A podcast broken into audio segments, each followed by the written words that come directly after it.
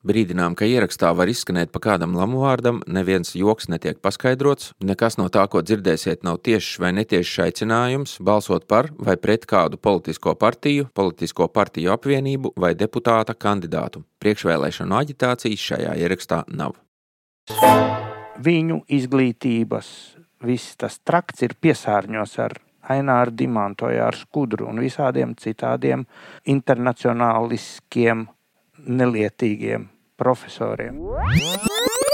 Klases smukākā meitene, kā zināmajā filmā Kāmsamolkā, Ātrīčnicā, Spārtsmenkā. Valsts pārvaldes ļoti būtiska sadaļa vairs nav politiķa kompetence, un tas nozīmē, ka vairs nav vēlētāja kompetence. Pēkšņi es dzirdu sen nedzirdēto Lūdzu, varat pakrēviski. Un uz Kievu arī brauc trījā veči. Un brauca vilciens, cits citam stāsta kupējā, nu, ko ir sieva iedevusi ceļā, kam vistiņkam vārīts olas.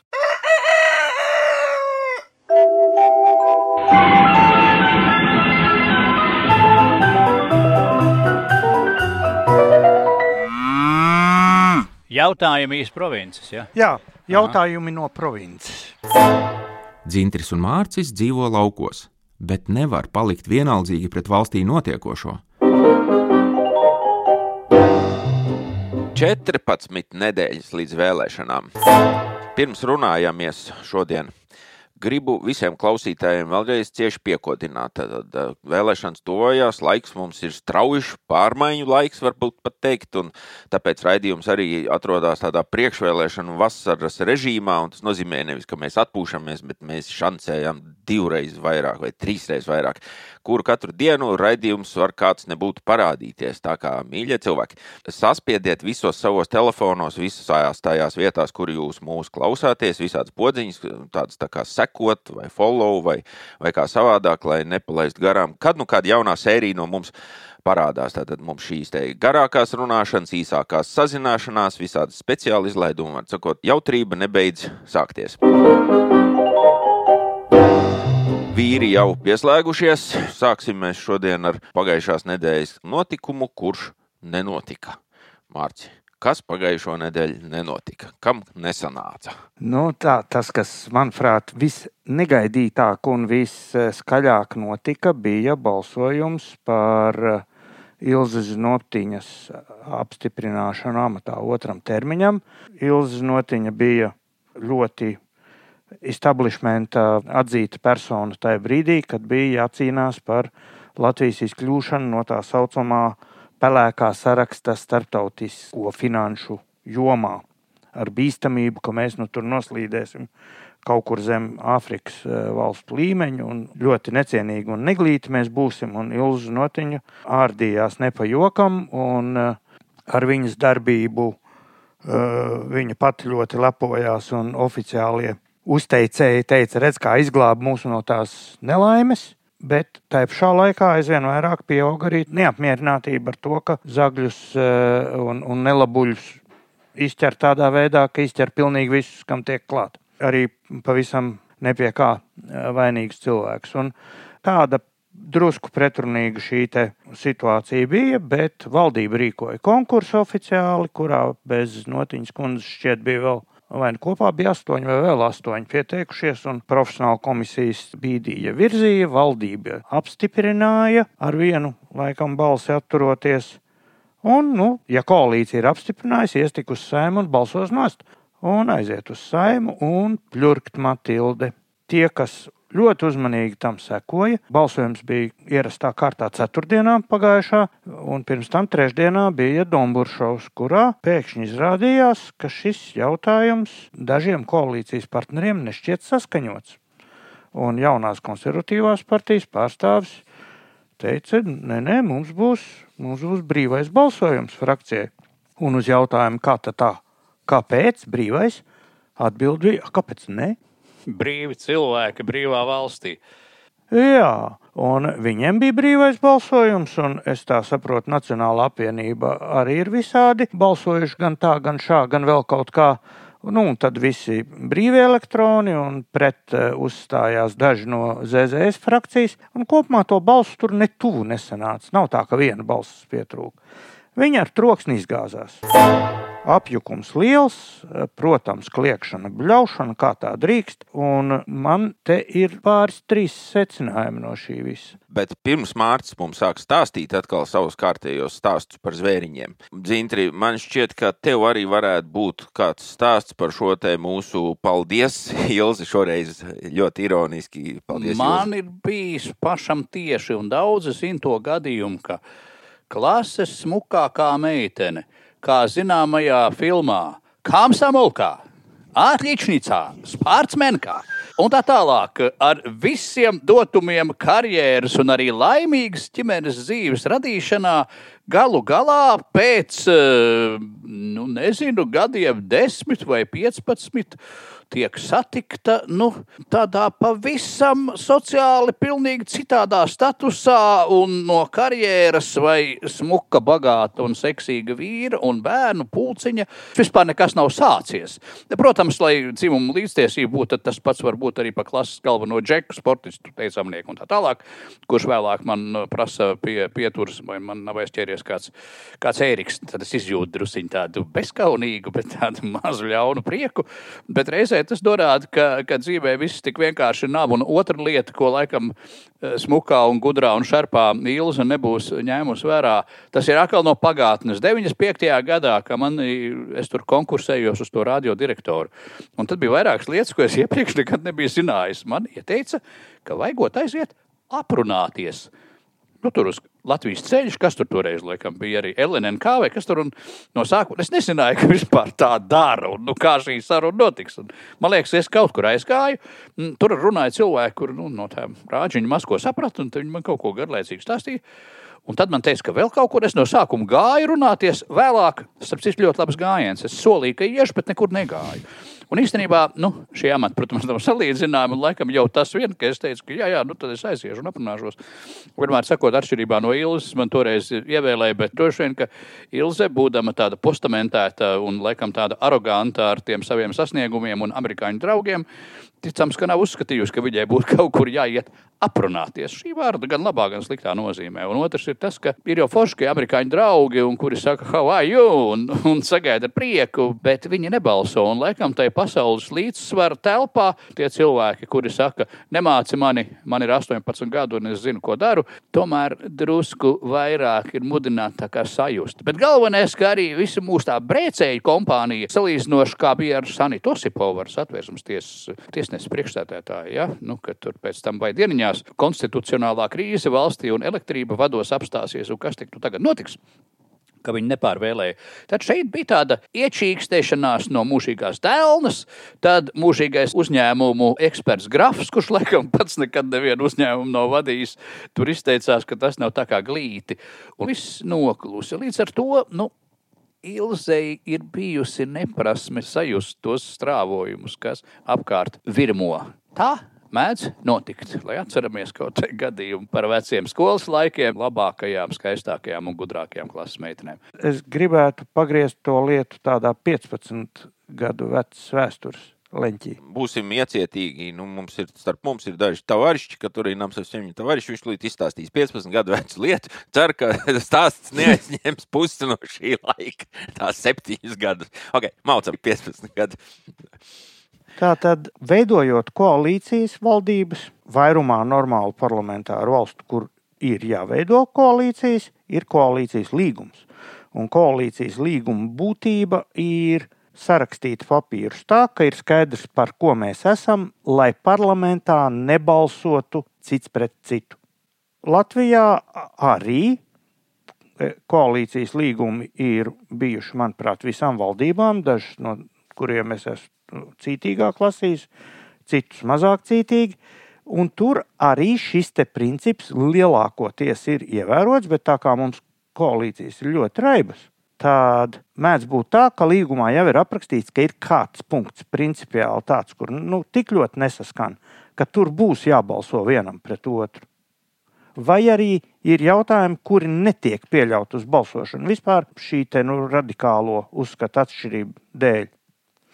Un Kariņa valdībai arī ir līgums šajā te sarakstā, ko darīs noteikti vienprātīgi vai noteikti nolemjot, apspriežot, nav amatpersonu izvirzīšana. Vispār nav pieminēta šajā līgumā. Es tagad, uh, zinātnisks intereses vadīts, paņēmu rokā dokumentu, parakstīts 95. gada 20. decembrī, uh, vienošanās par valdības izveidošanu un tās darbības pamatprincipiem 5. saimā. Tā ir šķēles pirmā valdība, ko žargonā sauc. Tur ir vispār tikai astoņas rindkopas, teksts pusotru lapiņu, ļoti īss, vienkāršs. Un tur arī ir sadarbības padome. Tātad sadarbības padome saskaņā ar vienprātības principu lemj par valsts budžetu, svarīgākajiem likumdošanas jautājumiem, uzmanību, valsts amatpersonu apstiprināšanu gadījumos, kad šī apstiprināšana ir saimas vai ministru kabineta kompetencē. Ļoti vienkāršs formulējums, kurš ietver svarīgākā likumdošana tikai pēc vienprātības principa, amatpersonu apstiprināšana, ja tā jāvirza saimā, arī tikai vienprātības princips. Tātad 95. gadā viņš bija, 22. gadā vispār nav pieminēts pat. Kāpēc tā? Kas būtu ļoti loģiski, lai frakcijas nebalsot viena pret otru, lai nebūtu tādi notikumi, kā bija Notiņas gadījumā. Un ir atbilde, un atbilde ir nepatīkami vienkārša. Latvijas politika ir deģenerējusies līdz stāvoklim, kad tautas vēlēti pārstāvi, tautas uzticību baudījuši deputāti ir atstādinājuši sevi no virknes principiālu lēmumu lemšanas un atdevuši to visur citur, tikai ne pašu politiķu atbildībā. Un viens no šiem ir amatpersonu virzīšana un apstiprināšana. Visa šī ņemšanās ar konkursiem, ujonkursiem, septiņās kārtās, šajos konkursos lēmēji nekad nav politiķi. Tad beigās konkurss nāk ar kaut kādu rezultātu, šajā gadījumā znotiņu, kuru apstiprināja konkursu komisija, ko vadīja šķiet valsts kanclers direktors, ja? kas ir ierēdnis. Viņam skaidrs, ka tur nebija ministri viņa pakļautībā. Ja? Tā tad ir rezultāts. Valdība, ko viņa var darīt? Valdība apstiprina, iet uz sēmu. Sēmai parasti viņa apstiprinātu. Šoreiz neapstiprināja. Tur e, ļoti interesanti valsts prezidents ieklapojās. Atkal kas tā pa lietu, ka sēma lemj pati kā iedomājas. Ja? Kas vispār ļoti interesanti attieksme no politiskas amatpersonas. Ja? Starp citu, sējiem iedomājās arī jūs, Levita kungs, apstiprināt neskādēļ arī diezgan vāji pamatots lēmums. Bet apstiprināja un viss. Nu, tāda bija saimnes suverēnā griba, ko tur padarīs. Ja? Iemesls ir tas, ka pēdējo 15 gadu laikā šāds punkts pakāpeniski ir kļuvis neiespējams. Nevar padarīt sev par apsmieklu un ierakstīt šajā frakcijas sadarbības līgumā, punktu, ko vispār nespēja pildīt. Jo pati virzīšana vairs nav politiķa kompetence. Tas nozīmē, ka valsts pārvaldes ļoti būtiska sadaļa vairs nav politiķa kompetence, un tas nozīmē, ka vairs nav vēlētāja kompetence. Tā ir ierēdniecības tā saucamo speciālistu, nevalstisko organizāciju, dažādu veidu sorosiskāku un mazāk sorosisku fondu kompetenci, kur visu laiku nosūta kaut kādus speciālistus, visādus providus uz tām atlases komisijām. Tie tur lemj un pabāž valdībai zīmogot. Jo gļēvāk valdība, jo labāk zīmogo nu, saima ar, ar humoru izjūtu un jautrības eh, momentiem, ko, ar ko šī saima izceļas ar, ar tomēr fantastisku dezorganizācijas līmeni ja, un brīvo elektronu skaitu un, un neprognozējumību. Un viņi nenozīmogo. Es aicinātu nevis meklēt atbildīgos saimā, kuri bezatbildīgi neapstiprina anonīmu, pusanonīmu, nekad, nekur neievēlētu komisiju viedokli bet atgriezties pie tā, ka politiķi virza, politiķi pamato, ko viņi virza, kāpēc virza, un paši nodrošina balsojumus. Nu tad uh, vēlreiz liels paldies, Ilze. Ejam tālāk. Ja tev patīk jautājums no provinces un brīvu cilvēku brīvas sarunas, tad sniedz palīdzīgu roku raidījumu veidotājiem. Nenoskaud 5 vai 10 eiro, lai arī turpmāk Mārcis un Zintris katru trešdienu var jandalēt un figurēt par to, kas svarīgs mūsu provincē. Pogu, ko spiest, lai pārsūtītu mums naudu, atradīs katras sērijas aprakstā, bet tiem, kuriem rocība neļauj piestiķēt, nepārdzīvojat, raidījums arī turpmāk būs dzirdams ikvienam. Mums ir mīļi visi mūsu klausītāji, bet īpaši tie, kuri nav skopi. Tas pilnīgi skaidrs, ka kādreiz zāle bija zaļāka un šokolāde, it sevišķi laimes šokolāde, bija garšīgāka. Un lētāka. Un tas nav vienīgais, ar ko šī laimes šokolāde atšķirās no iepriekšējās. Varbūt Zintri piemini šo gadījumu, lūdzu. Laimes šokolāde atšķirās arī, arī ar vēlmi vienot tautas un konsolidēt cilvēkus. Tikai tie konsolidēšanas pamati ir tādi, nu, tekošajam momentam nevisai atbilstoši. Proti, eh, notikums sākās ar kādas eh, dāmas, eh, Silvijas, nu, tādu kā errošanos, tādu kā dusmību. Viņa bija ierakstījusi sociālajā tīklā Twitter, ka Laimes šokolādes muzejs vasarā piedāvā darbu pusauģiem, un manējais ir tā kā konditorijas fanāts un, un komunikabls un būtu īstā vieta. Forši, bet izrādās, ka bez krievu valodas nekā.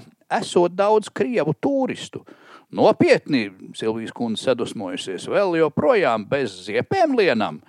Un šis Silvijas um, uzsaukums, tāds mazliet emocionāls, izraisīja diezgan lielu vētru, kas pašreizējā situācijā ar to ņemšanos ap krievu valodu un tās nemitīgu lutināšanu ir ārkārtīgi aktualizējusies. Un cilvēki cits rupjāk, cits, cits taisnāk metās šo lietu arī kritizēt. Un tā ir starpā arī Kolāta kungs savu pagalīti piemeta, kur nu bez tā.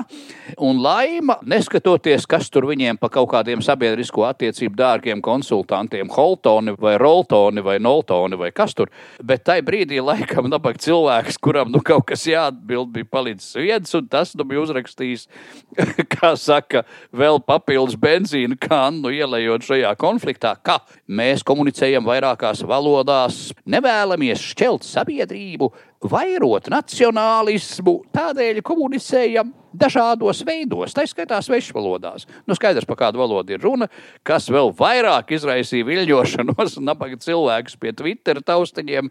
Mazliet vēlāk raksta, ka viņiem ir daudz ārvalstu turistu un uh, apmeklē muzeju un dažādās valodās un nevēlamies nevienu aizskart, atvainojamies, ja tā ir noticis. Tas nemazināja sašutumu pēc kāda laika, laiba atvainojās vēlreiz Un laikam vēl vienreiz, es vairs neskaitīju, cik reizes viņi tur vainojās, bet ziepes bija lielas. Tas pārsviedās, protams, uz šokolādes, un ne tikai šokolādes cepumu, un visa pārējā cenu un sūdīgo kvalitāti, un kas nu tur viss tikai nebija. Vienvārds sakot, savārījās lielas ziepes. Bet tas man atgādināja mūsu visu vidējo aritmētisko attieksmē pret krievu valodas lietām. Kaut vai pats sevi es nu, neskaitu sev par tādu ritīgi, ritīgi trako nacionālistu, nu, uz to pusi virsos, bet ne pārāk. Kā zināms, es vadu pārgājienus, un nesen bija tāds ļoti interesants. Pie manis bija grupa neredzīgu un vājredzīgu cilvēku. Man pašam tas bija izaicinājums vadīt nu, nelielu pār, pārgājienu, pastaigu ļaudīm, kuriem nevar teikt, redziet, tur ir bērns, un, un tur atkal ir jocīga egle, bet nu, tur ir jūra, tur savādāk kaut kā. Bet ne par to stāsts. Piebrauc autobuss, un nu, es tagad iekāpju un sasveicinos, un šoferim saku, kur tad viņam jābrauc, jāgriežās pa, pa kreisi, jāpagriežas apkārt, un pēkšņi es dzirdu sen nedzirdēto, lūdzu, varat pa krēviski. Un, ziniet, pirmajā momentā apjuku. Un tad vienu brīdi manī uzjundīja tādas dusmas, ka es domāju, pagaidi, nu tad man tagad tā kā beigt to sadarbību.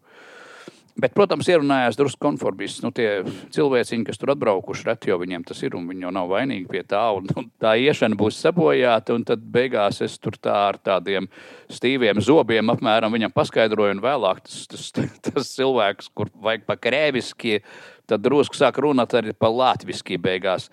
Bet tas eh, man ir raisījis pārdomas, kusi un arī laimes gadījums, ka tomēr mūsu vidējā attieksme pret valodas lietojumiem, arī cilvēkiem, kuri izlīdzinoši pāriet uz krievu valodu, šie smaguma centri ir mainījušies, un vairākums no mums tomēr sagaida un bieži vien arī pieprasa runāšanu pirmkārt latviešu valodā.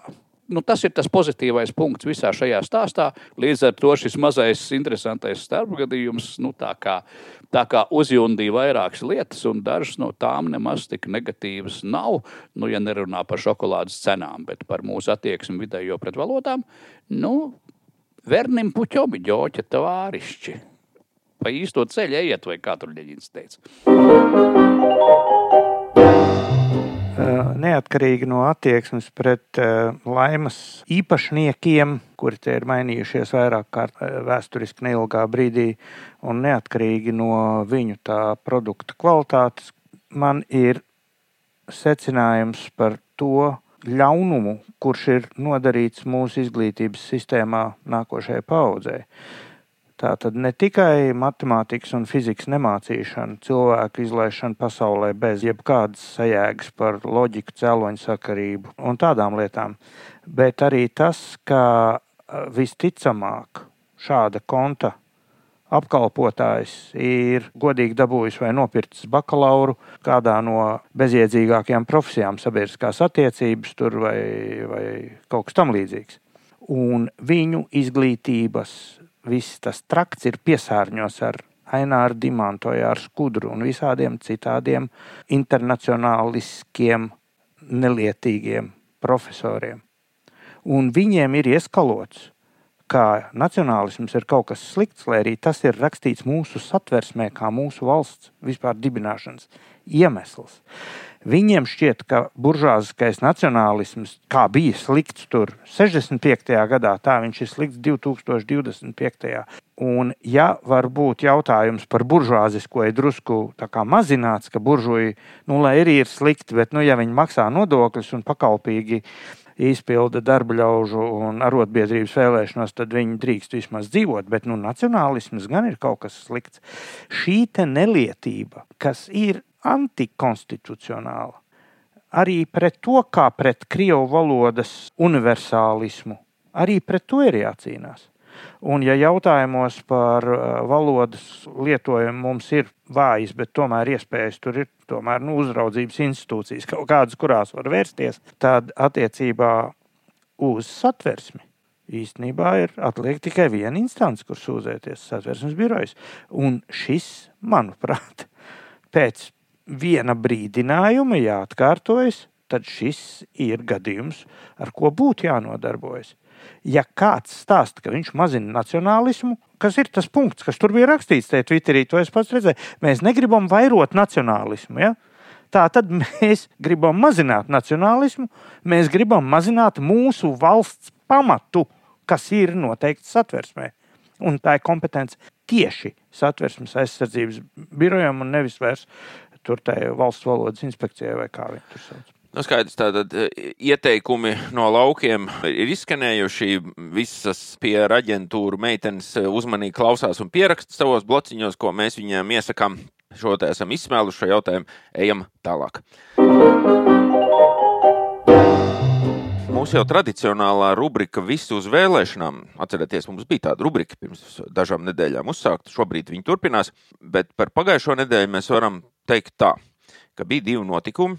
Viens, kuru mēs noteikti pieminēsim, tas ir mums raidījumā bija speciāla izlaidums ar Arni Kaktiņu, kurš nav pagūvis noklausīties, lūdzu patiniet atpakaļ vienu ierakstu pirms šī mūsu raidījuma tajā mājaslapā un visur, kur jūs šo te klausāties. Tur ir tieši par vēlēšanām, tieši par partijām un tieši to, ko jūs gribat un, un vēlaties dzirdēt no mums. Tad otrs uh, notikums bija tāds, uh, kuru mēs ne tikai neapspriedīsim, mēs to pat nepieminēsim. Tas bija saistīts ar politiku, un šo notikumu, kuru mēs nepieminēsim, tūlīt nosauks Mārcis. Ai, jā, nu, tieniņi, tētiņi. Šķiet, ka nav pieminēšanas vērts, un tādēļ mēs neminēsim. Mēs pat neaizķersimies pie vadošās un virzošās Latvijas partijas jaunā vienotība, premjerējošā Kariņa politiskās mājasvietas, kongresa, jo uz kongresu nebija nu, nekādi šie darba sasniegumi, neviens HES nav atklāts, neviens uh, dzelzceļa posms nav uzbūvēts. Un vienīgais, ko mēs tagad zinām, kas būs lielā pārmaiņa, ja uz iepriekšējām vēlēšanām Kariņš bija partijas līderis, tad tagad viņš ir premjerkandidāts, oficiāls premjerkandidāts. Baigā laime, baigais notikums. Ai, jā, nu, nu, ko lai dara? Nu, tādi nu, mums ir tie līderi. Jā. Bet Zintris nesēdēja rokas klēpī salicis. Viņš šo te weekendu pavadīja pie satelīta televizoriem. Viņam uz sešiem ekrāniem gāja pa visiem kanāliem Francijas vēlēšanas. Es saprotu, ka arī telefons karsts. Tur pirms pāris nedēļām viņš mēģināja Makronu sazvanīt. Tas bija aizņemts sarunās ar Vovu, bet iespējams, ka viņam ir kaut ko izdevies tomēr sazvanīt. Nezinu, kaut kādu melanšonu vai ko tu tur. Draugi politiķi, mācieties blefot! Tā kā blefo Melanžona kungs, nu Makrons arī un viņa premjerministre arī, bet uh, drusku es uh, paskatījos un man izdevās sazvanīt to Melanžonu. Bija grūti, jo es runāju latviešu, viņš franciski. Mēs abi ļoti sūdīgi runājam angļu valodā. Bet kaut kā beig, beigās viens otru sapratām, un, un es sapratu arī tos galvenos punktus, ko viņš tur piedāvā, kas tur Franču tautai būtu, ja viņš būtu tas galvenais fīrētājs. Un uh, pēc tās viņa attieksmes, postamentēšanās un pozīcija ir apmēram tāda, ka viņš ir tūlīt pasaules valdnieks bez piecām minūtēm. Nu, tas ir vienkārši skaisti. Bet uh, tad vispirms tur šitie daži skaitļi, tagad tās Franču parlamenta vēlēšanas e, ir notikušas ar tieši tādu rezultātu, kā mēs iepriekš prognozējam, ka Makrona kungam e, skraidot pa ārzemēm un, un zvanoties ar Vovu, ir drusku aizmirsies, kas notiek pašmājās. Un pašmājās Makrona tā centrālajās partija, vai kā viņi tur sauc kopā, laikam, latviski ir dabūjusi pa pakaļu, piedodiet, un par aptuveni simtu samazinājusi deputātu skaitu tajā viņu Nacionālajā asamblējā, parlamentā. Viņiem bija 347, nu, lielā puse no 577. Tagad ir 245. Tikpat matemātiski stulbi sakot, mazā puse. Mazajai pusē ir fenomens, ka tā ir mazāka par lielo pusi. Okay. Otro vietu lūk, ieguva mana jaunā telefona drauga, gados gan stipri pavecā, 73 gadīgā Melanšona kunga vadītā tā kreiso, vēl kreisāko un galīgi ultrākreiso un vēl kaut kādu zaļo partiju koalīcija, Nupes vai Nipes. Un Marinai, nevis Naumovai, bet Lepēnai, nu atkal tie galēji labējie. O tie gan ir dabūjuši, tiem ir 89 vietas. Un tad es piezvanīju Melanšona kungam, lai viņš, viņš izstāsta man īsi, nu, kādi tie galvenie. Nu, nu, tas ir baigi labais džeks. Pirmkārt, vecs aparatčiks, ministrējis un ko tik tur nav darījis, un, un Eiropa parlamentā un kur tur visur. Kurš piedāvā? Tātad cita vidū tur ir atstāt NATO, atstāt Eiropas Savienību. Nu, ne visi tam piekrīt, bet tāds uzstādījums tur ir. Samazināt, uzsveru, samazināt pensijas vecumu no 62 uz 60, minimālo algu pacelt par 15% līdz 1500 mēnesī. Tad to saucamo labklājības nodokli, kas varētu būt nodoklis no kapitāla vai nekustamā īpašuma un pārējie, tie tiek atcelti vai atdot iedzīvotājiem atpakaļ. E, pamatu produktu cenu iesaldēšana un miljoniem darba vietu radīšana nu viens rītīgi skaists, populistisks lozungs kopumā. Šito man uh, Melanšons tā kā atkārtoja, ka tas viss būšot. Un viņš noteikti, un pilnīgi skaidrs, un nepārprotami, un kristāli tīri būšot premjerministrs, jo citādāk nemaz nevarot būt.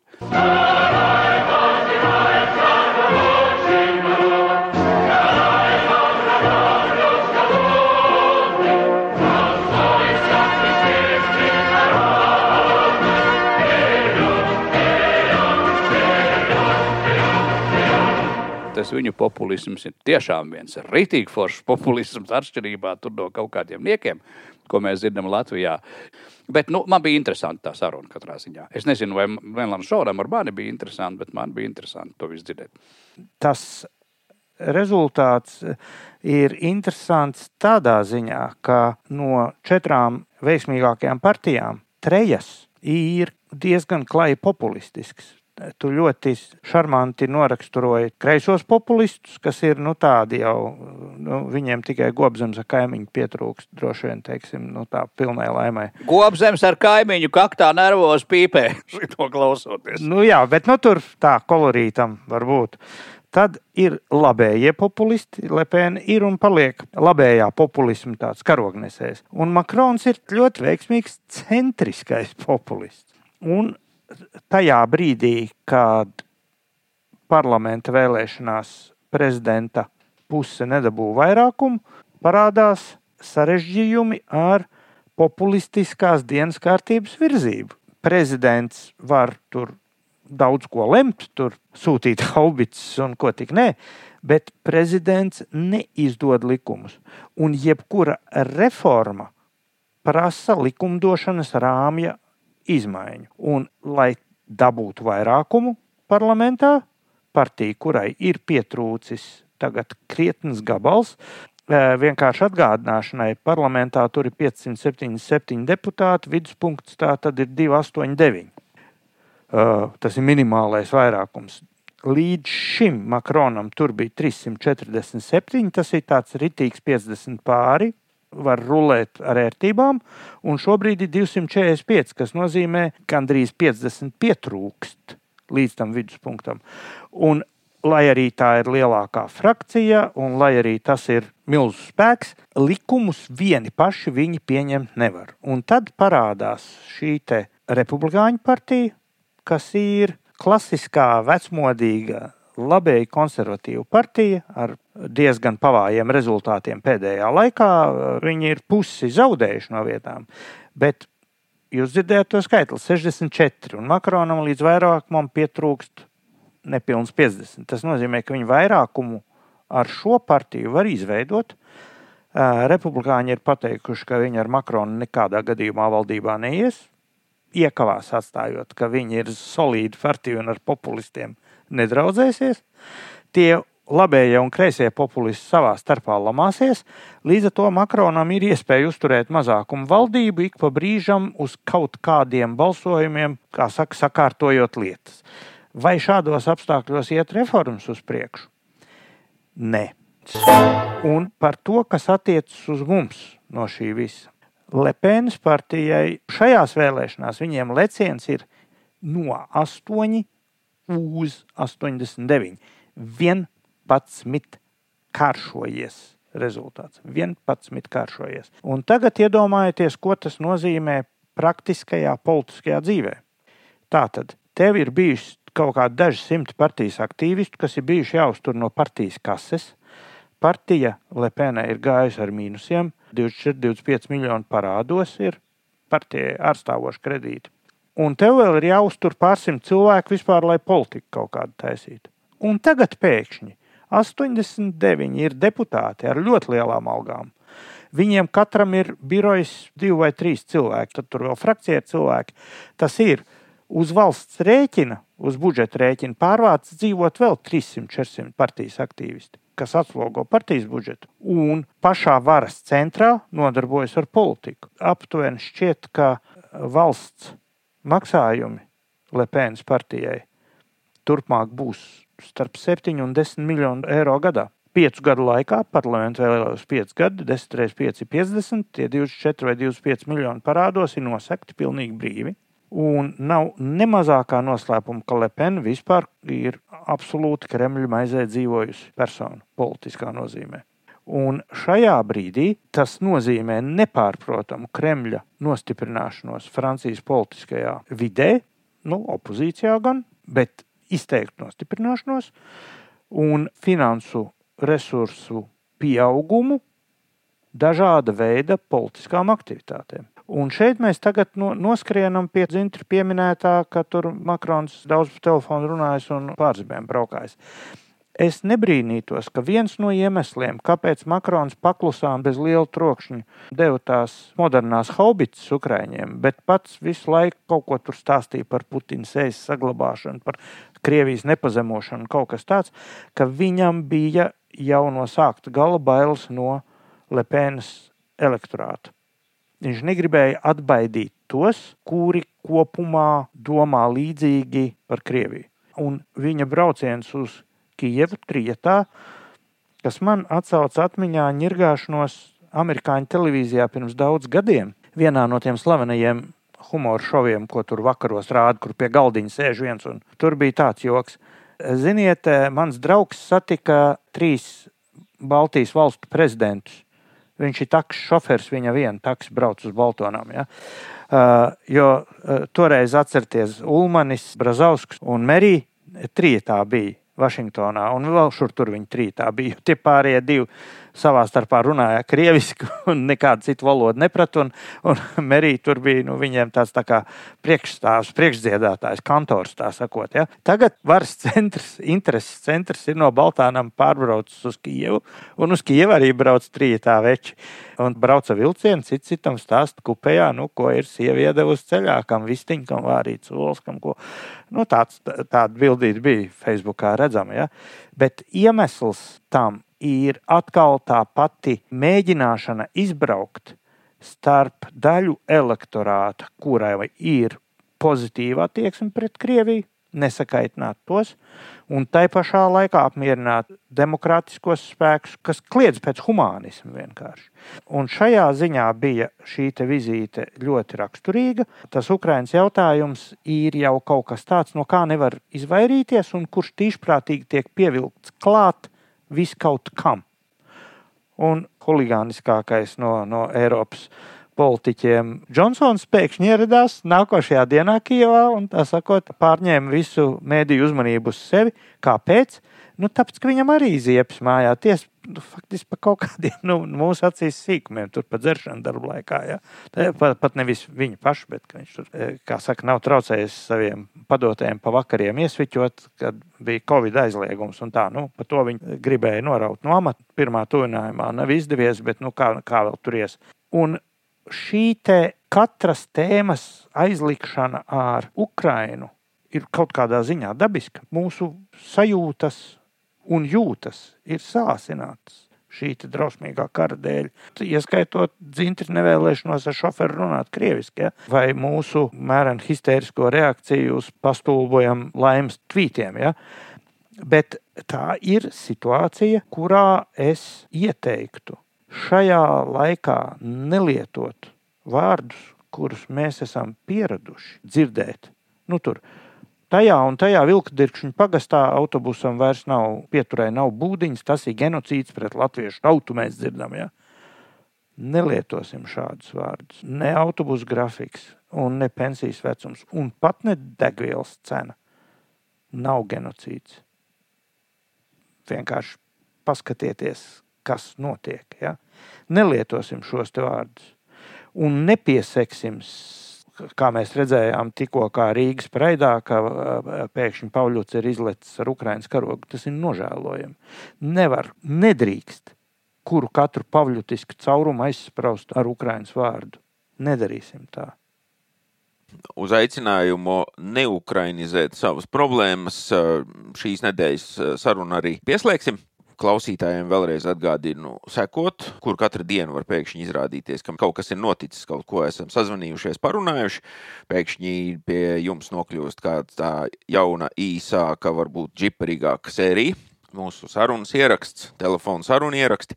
Mēs par to, protams, trobelēsim visos iespējamos veidos. Jā, tie, kuri jau ir noguruši no mums uh, Twitterī, tie pie šaubām to pamana, bet vispārējie, kuri nepavada visu dienu skatoties savā glaudāmajā telefonā, var arī palaist garām. Tāpēc lūdzu un iesakām piesakot